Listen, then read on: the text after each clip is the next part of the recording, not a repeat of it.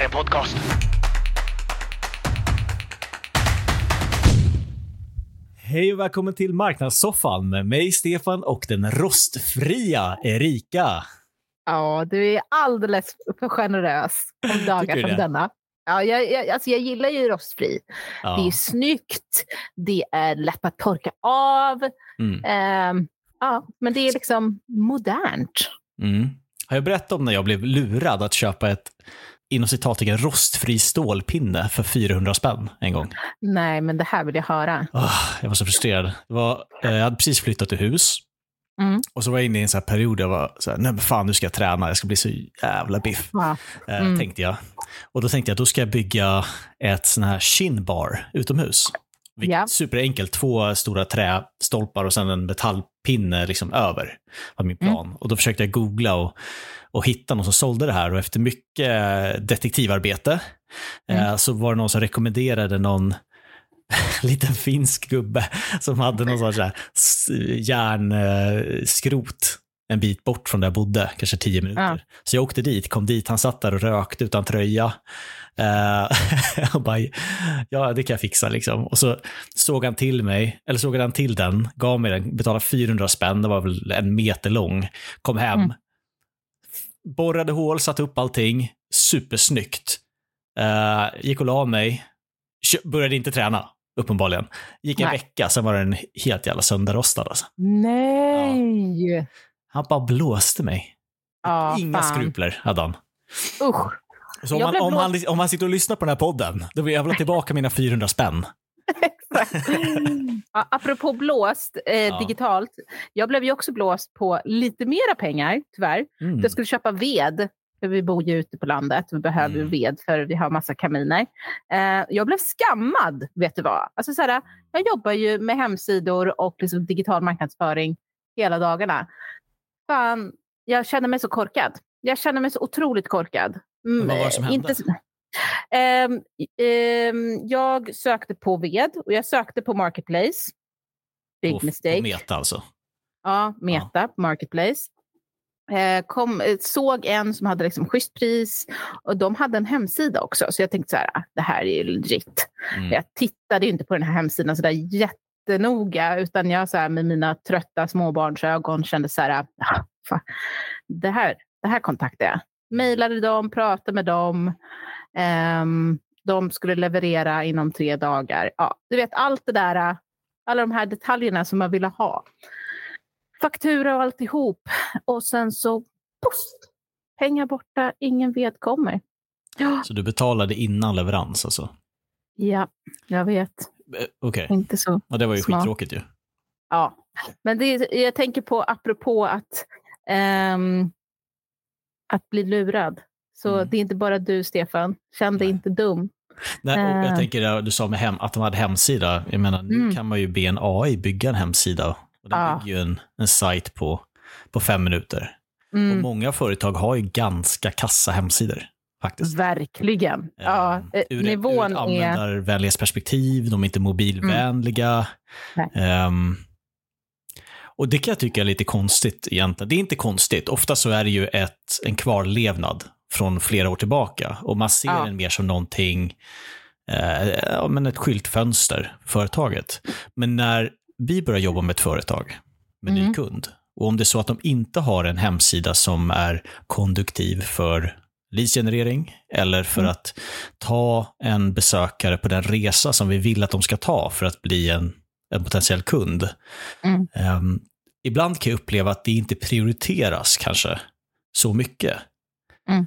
Men det är ju lite som att stå utanför butiken med jättebra erbjudanden på en skylt och folk ser det. En mobiltelefon för fem spänn. Jag går in och så kommer man in och så, och så, så är det bara en vägg när man kommer in. En hylla och så ligger det liksom en sån här leksakstelefon. Alltså jag vet inte. Ja, nej.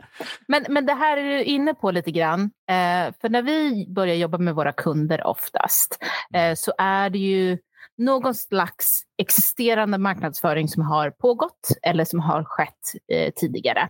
Eh, förutsättningarna, förutsättningarna har satts upp till en del, eh, men kanske inte allting är klart.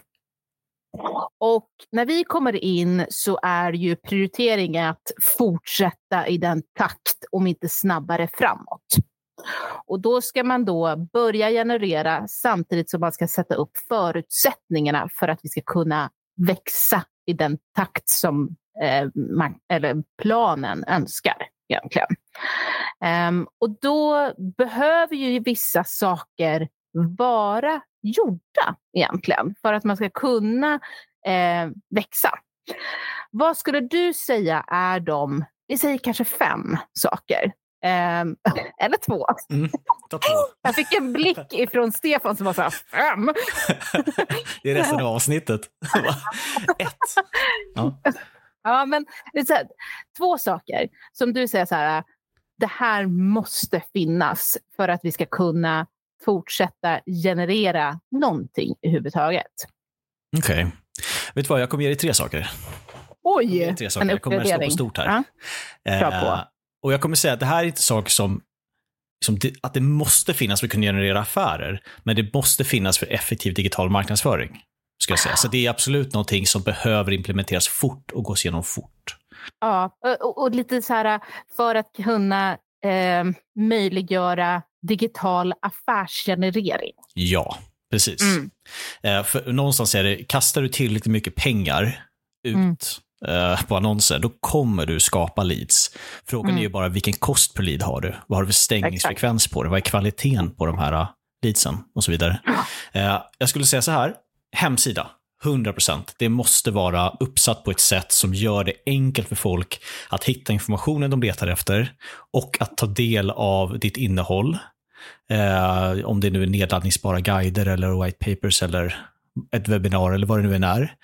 Mm. Eh, och det ska vara, eh, det, ska, det, det som du säger på sajten ska stämma överens med vad kunden kan förvänta sig ha för upplevelse när de sen är i kontakt med dig och potentiellt sett blir kund till dig. Mm. Så hemsidan absolut en sak. Jag förstår att det här är ju oftast, det blir inte prioriterat för att det är oftast en ganska stor investering. Yep. Att skapa en ny sajt. Men ofta kan man ju åtminstone göra lite förändringar på de sidor som potentiella kunder landar på. Mm. Um, så hemsida, databasen. Exakt. Det finns många som inte ens sitter med ett CRM-system idag. De kan sitta med Excel-ark och varje individuell säljare har ett eget Excel-ark med kontaktuppgifter till sina kunder. Och så kommer vi in och så säger vi, okej, okay, men vi ska, vi ska hjälpa er genom att vi ska aktivera den, den bäst konverterande kanalen som finns, vilket är e-post. Fortfarande, faktiskt. Mm. Eh, det kan man inte tro efter så här lång tid. Men, men har du en bra databas så är e-post fortfarande den, den bäst konverterande kanalen. Mm. Eh, så att att se till att man har en databas som är strukturerad eh, och rensad och mm. fylld med den information, rensad och fylld, rensad mm. på skit, fylld mm.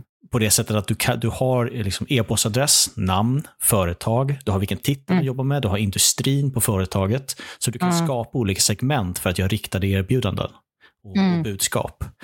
Um, Ja. Och gärna vilken produkt som de har köpt tidigare, så att det finns någon slags historik. Så om man erbjuder mer än en produkt, att den ingår där. till exempel. Exakt. Ja, det skulle jag faktiskt säga är en sak som väldigt ofta saknas. Det är möjligheten ja. för upselling och cross-selling.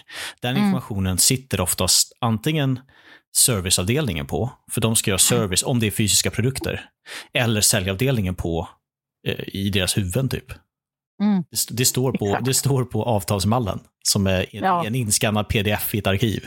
Ja, eh, så att ha all den datan tillgänglig, strukturerad och lättåtkomlig och, och så att den kan, helst direkt från CRM-systemet, göra kampanjer om du har ett bra CRM-system som till exempel HubSpot med alla deras hubbar. Eh, eller möjligheten att kunna göra exporter på all den här datan så att du kan sätta upp det i andra externa system om det skulle behövas. Mm.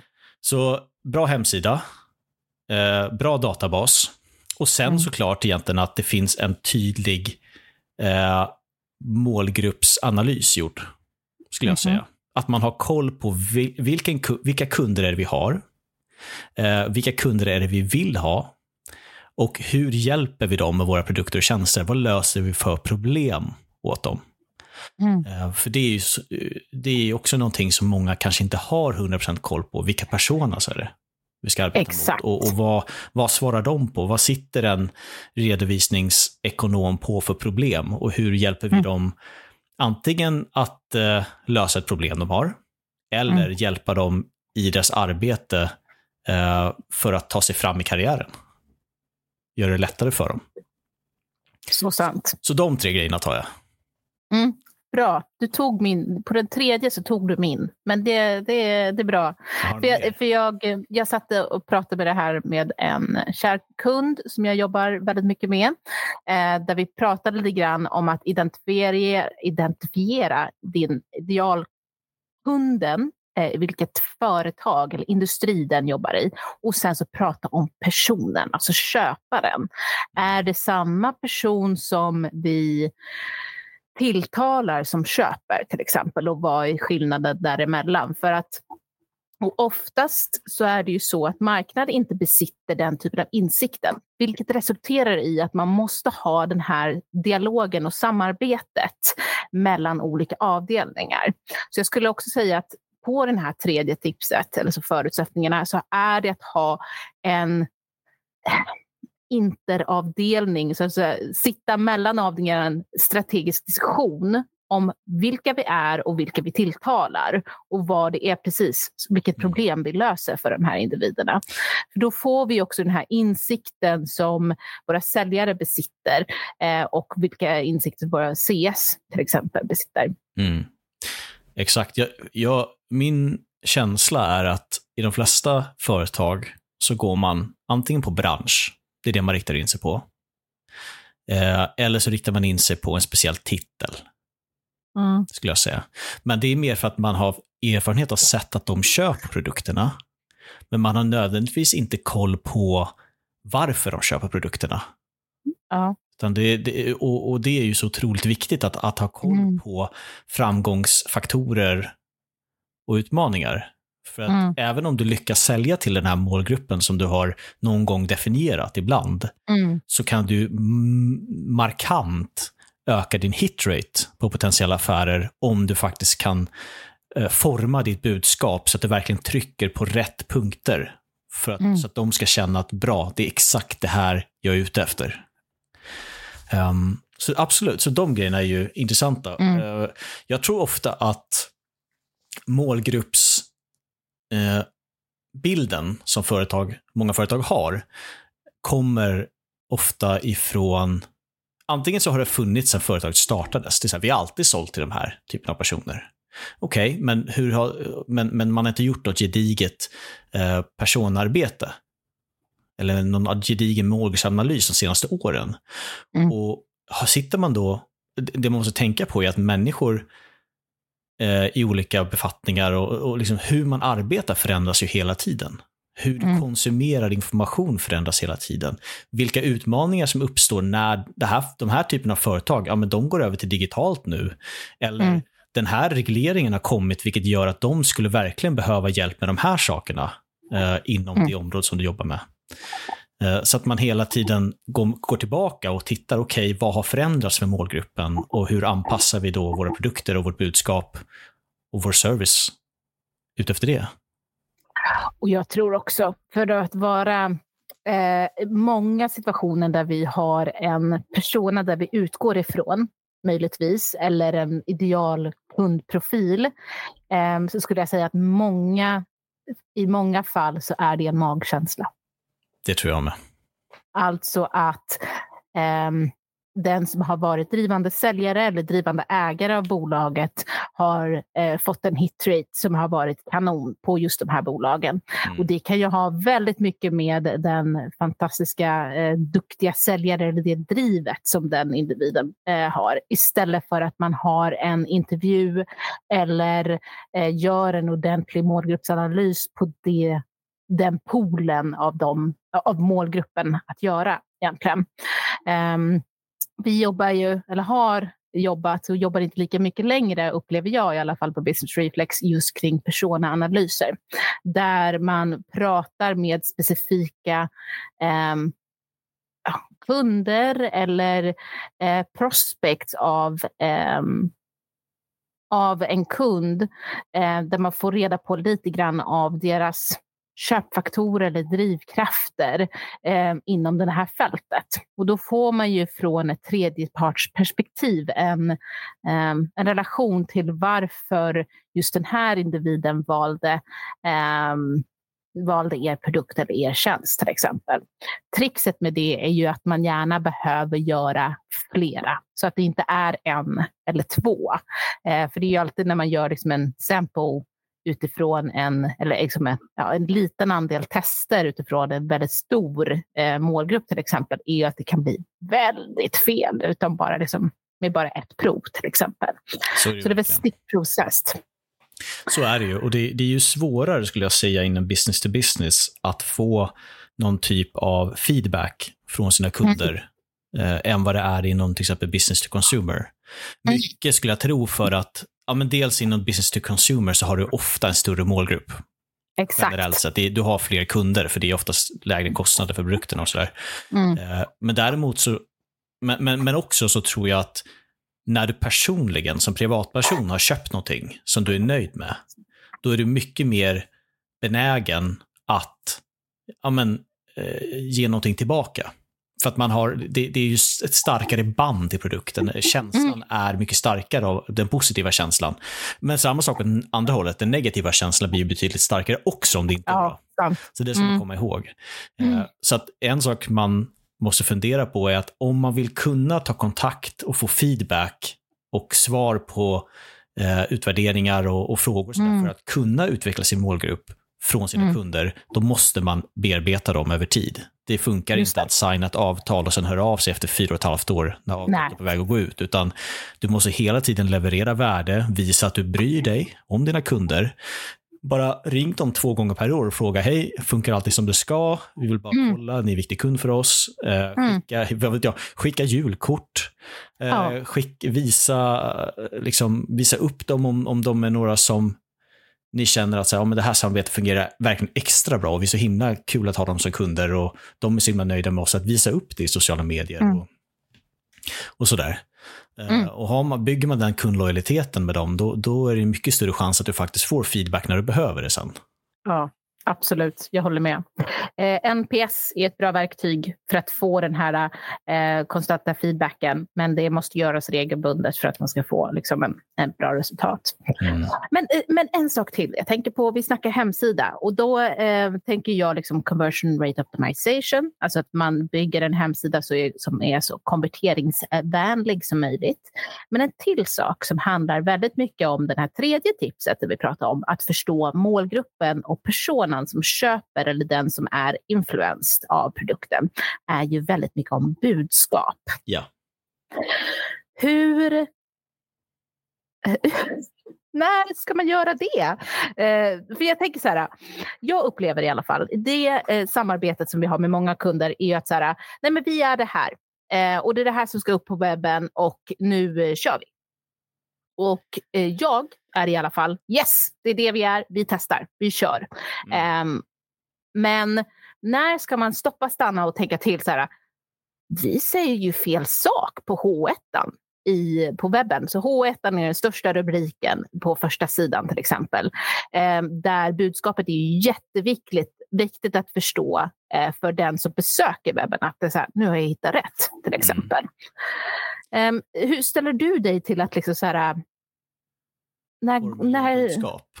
Eller? Nej, jag tänker mera så här, vi har identifierat att webben, den är viktig, mm. men inkluderar då budskap i första webbprojektet där också? 100 procent. Uh, mm. Det första jag gör när jag får en ny kund, det är att gå in på deras hemsida och titta vad det står, i, vad första, faktiskt första rubriken säger. Det är mm. väldigt ofta du kommer in och det är väldigt otydligt. Exakt, absolut. Eh, vad det är de faktiskt erbjuder. Och som, mm. det, så här, riktlinjen är ju, det som står, det, det första en besökare ser på hemsidan ska mm. vara svar på det de vill ha hjälp med, samtidigt och, och, och, förklara vad det är du gör. No pressure. På ett enkelt sätt. Nej, men så är det ju verkligen. Ja, absolut. Jag håller med. Och, och allt som ofta så är det, är det helt eh, oförståbart. Något städföretag som säger vi jobbar med facilitetslösningar med eh, hållbara produkter och eh, rutavdrag. Och det är här, Ja. vad, vad är det ni faktiskt gör? Ja. Nej, det jag vill veta är, kan ni hjälpa mig städa kontoret Mm. och vad kostar Mm. det? Och, Mm. menar, då hade man hellre velat ha, eh, vi städar ert kontor, 199 kronor i månaden. Det är mycket Mm. tydligare. Det, Mm. det, lös, det, det, det ger mig en lösning på mitt, min utmaning, vilket är att jag vill Mm. få rent på kontoret och det, jag får reda Mm. på vad det kostar. Det är de två grejerna jag vill veta. Bättre att vara övertydlig. Och sen när det kommer, har vi rätt budskap? Ja, men du kan, det, du kommer aldrig ha ett budskap som resonerar med alla, eller eh, vad heter det? Som, som, som, som stämmer överens med vad folk är ute efter alltid. Nej. Eh, utan det kommer ju såklart finnas de som kanske inte triggas av det budskapet, men du ska ju försöka, baserat på att du känner din målgrupp, ta fram ett budskap utifrån vissa regler, som till exempel det här löser deras problem, det här är vad de faktiskt är intresserade av eh, och det här förklarar ty- det är tydligt beskrivet. Och sen har du det och så har du kanske tre varianter på det och så kör du AB-tester på det. Eh, för att se vad som fungerar bäst. Vad får, de att, vad får flest personer att klicka vidare? Och det kör Mm. på. Och när du har hittat den, Mm.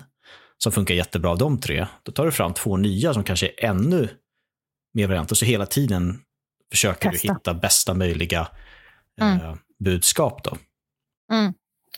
Och jag tänker ehm, i den utmaningen som vi har där man inte hittar ett budskap som eh, tilltalar varje målgrupp som man Mm. kanske bearbetar, eh, så kan man ju också jobba med specifika landningssidor som är specifikt anpassat till deras behovsprofil, om den är väldigt annorlunda ifrån liksom, första sidan. Ja, Och där kan man ju hjälpa liksom, i konverteringsgraden i alla fall. del. Absolut. Det kan ju verkligen vara så att du jobbar mot fyra olika specifika branscher. Vi jobbar mot häl- eh, sjukvården, restauranger, Mm.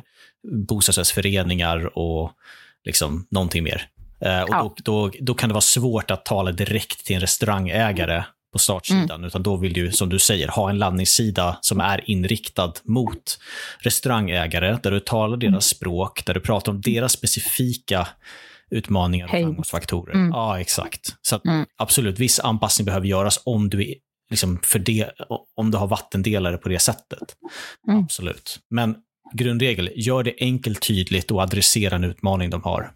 Mm. Eller en, en önskan de har Mm. av det. Här är ju um, superutmanande att göra, upplever jag som eh, marknadsspecialist eller marknadschef eller ja, erfarenhet, erfarenhet av marknaden under väldigt många år. Att göra samtidigt som man springer. Mm. Alltså att eh, se till att det strategiska arbetet eh, får den plats i prioriteringen samtidigt som man ska utföra massa grejer i en tillväxttakt. Mm. Men jag skulle säga Ehm. att det är bättre att göra få saker bra än att Mm. göra många saker halvdåligt. Eller halvbra.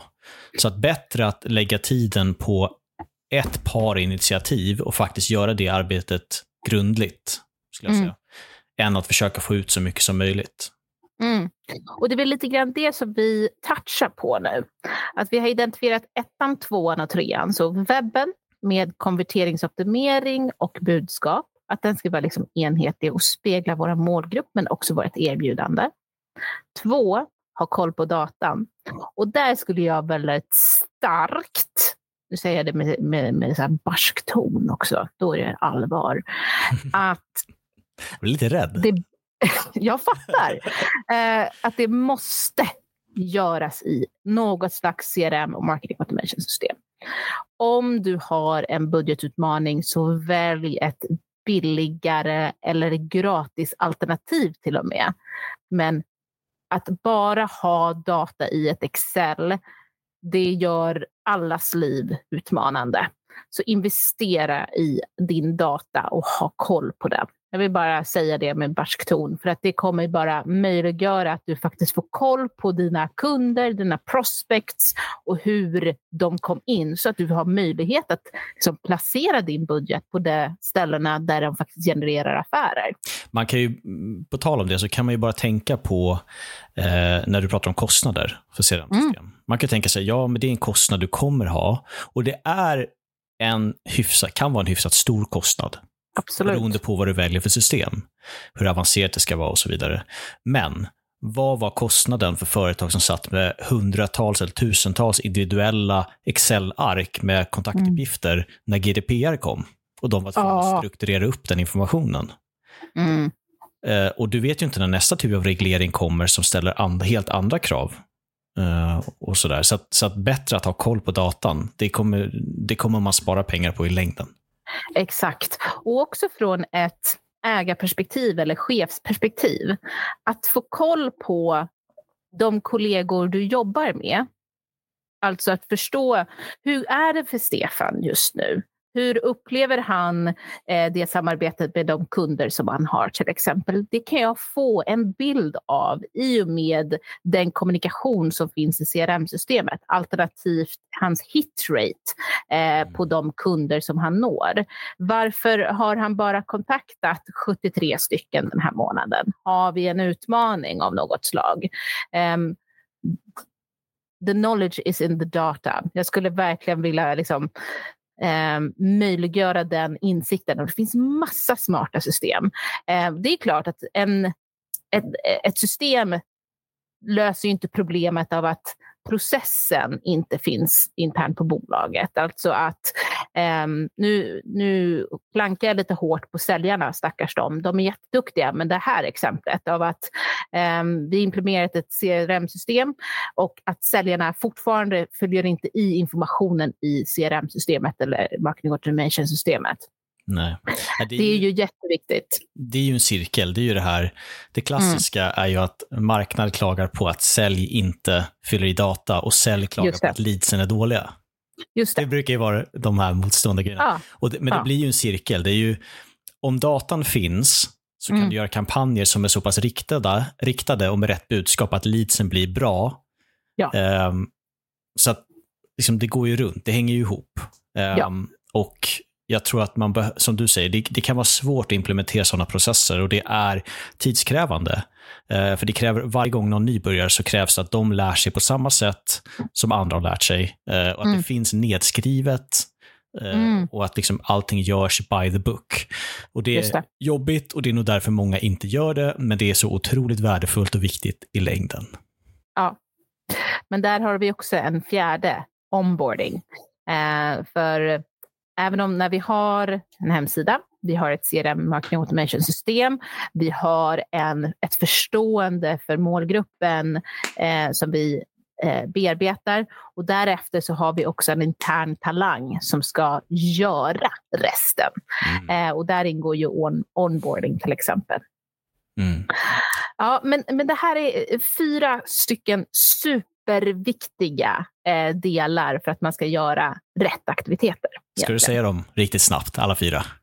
Hemsida, CRM, Marketing Automation, eh, målgruppsanalys och on, in, ja, direkt talangmässigt. Så det är väl mer onboarding eller ja, intern kommunikation. Mm. Snyggt. Så där är några områden man kan börja och titta på. Ja, eller typ så här, jobba alltid på. Ja, jo precis. Men om man inte har gjort det innan, så sätt igång. det är för sent. Exakt. Det, det, är aldrig för sent att börja. Nej. Men eh, däremot så är det jätteviktiga delar om man vill få någon sorts bra ROI på sina, sina marknadsföringsinitiativ. Ja, eh, jag kan inte ens sammanfatta vad vi har pratat om idag. Det här var så himla jag... många himla intressanta och bra saker. Eh, men det var en jättebra fyrpunktslista du gjorde där. Alla intressanta, mm. alla viktiga. Och eh, mm. jag tror att vi eh, call it a day där, helt ja. enkelt. Nog är nog. Gud, tack så jättemycket för all din fantastiska kunskap, Erika. Jag lärde mig massor idag. Du, det är jag som ska tacka Stefan, som alltid. Och så tackar vi såklart er som har lyssnat. Och vi hörs igen nästa vecka. tack hörni. Tack, tack. Hej.